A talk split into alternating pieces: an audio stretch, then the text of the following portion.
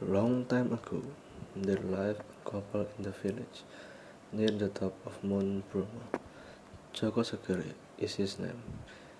He lived peaceful with his wife Roro Roro Anteng. But they were not happy because after some time they did not have any children. Then Joko Seger meditates in Mount Bromo asking for God to give them children. Sometimes later Joko Seger had a dream. In his dream, he was told that he would have descendants but one, one, one, on one condition. The god asked him to sacrifice his children to the crater of Mount Bromo.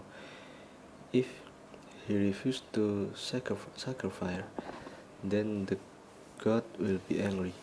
Without thinking twice, Joko Seger agreed to the condition. After that, Every year Roro Anteng gave birth to 25 children. They were very happy and they loved their children so much that they were reluctant to sacrifice them to the crater. They did not they did not give anything to the crater. Then something happened. One there was a big eruption of Mount Bromo. Smoke, fire, hot cloud, and ash come out of its crater. The earth was trembling, the sky was dark, animals ran away from the mountain.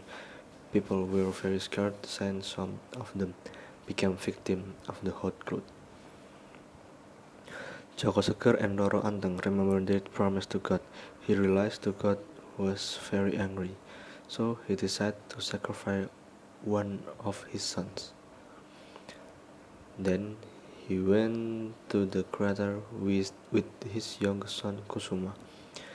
Because Joko did not really want to sacrifice his son to the crater, he tried to hide him, but suddenly an eruption began and made Kusuma fall.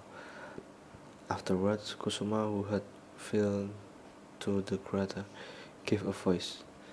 I have to I have to be sacrificed by my parents so that you will all stay alive. From now on, you should arrange an annual offering ceremony on 14th of Kesedo, the 12th month of Tigris calendar. Since then on, Joko and Roro Anteng gave offering to the crater every year on the fourth, 14th day of the month of Kasada. The people of Tengger held a ceremony to give offering.